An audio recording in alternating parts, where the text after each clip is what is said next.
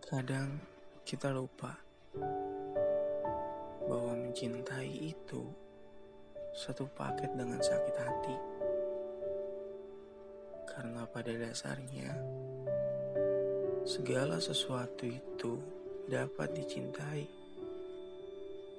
namun tidak semua bisa dimiliki. Di saat telah memiliki, jangan beranggapan bahwa kamu tak akan pernah kehilangan. Itulah tugas dari perpisahan. Membuat cinta seakan menyakitkan.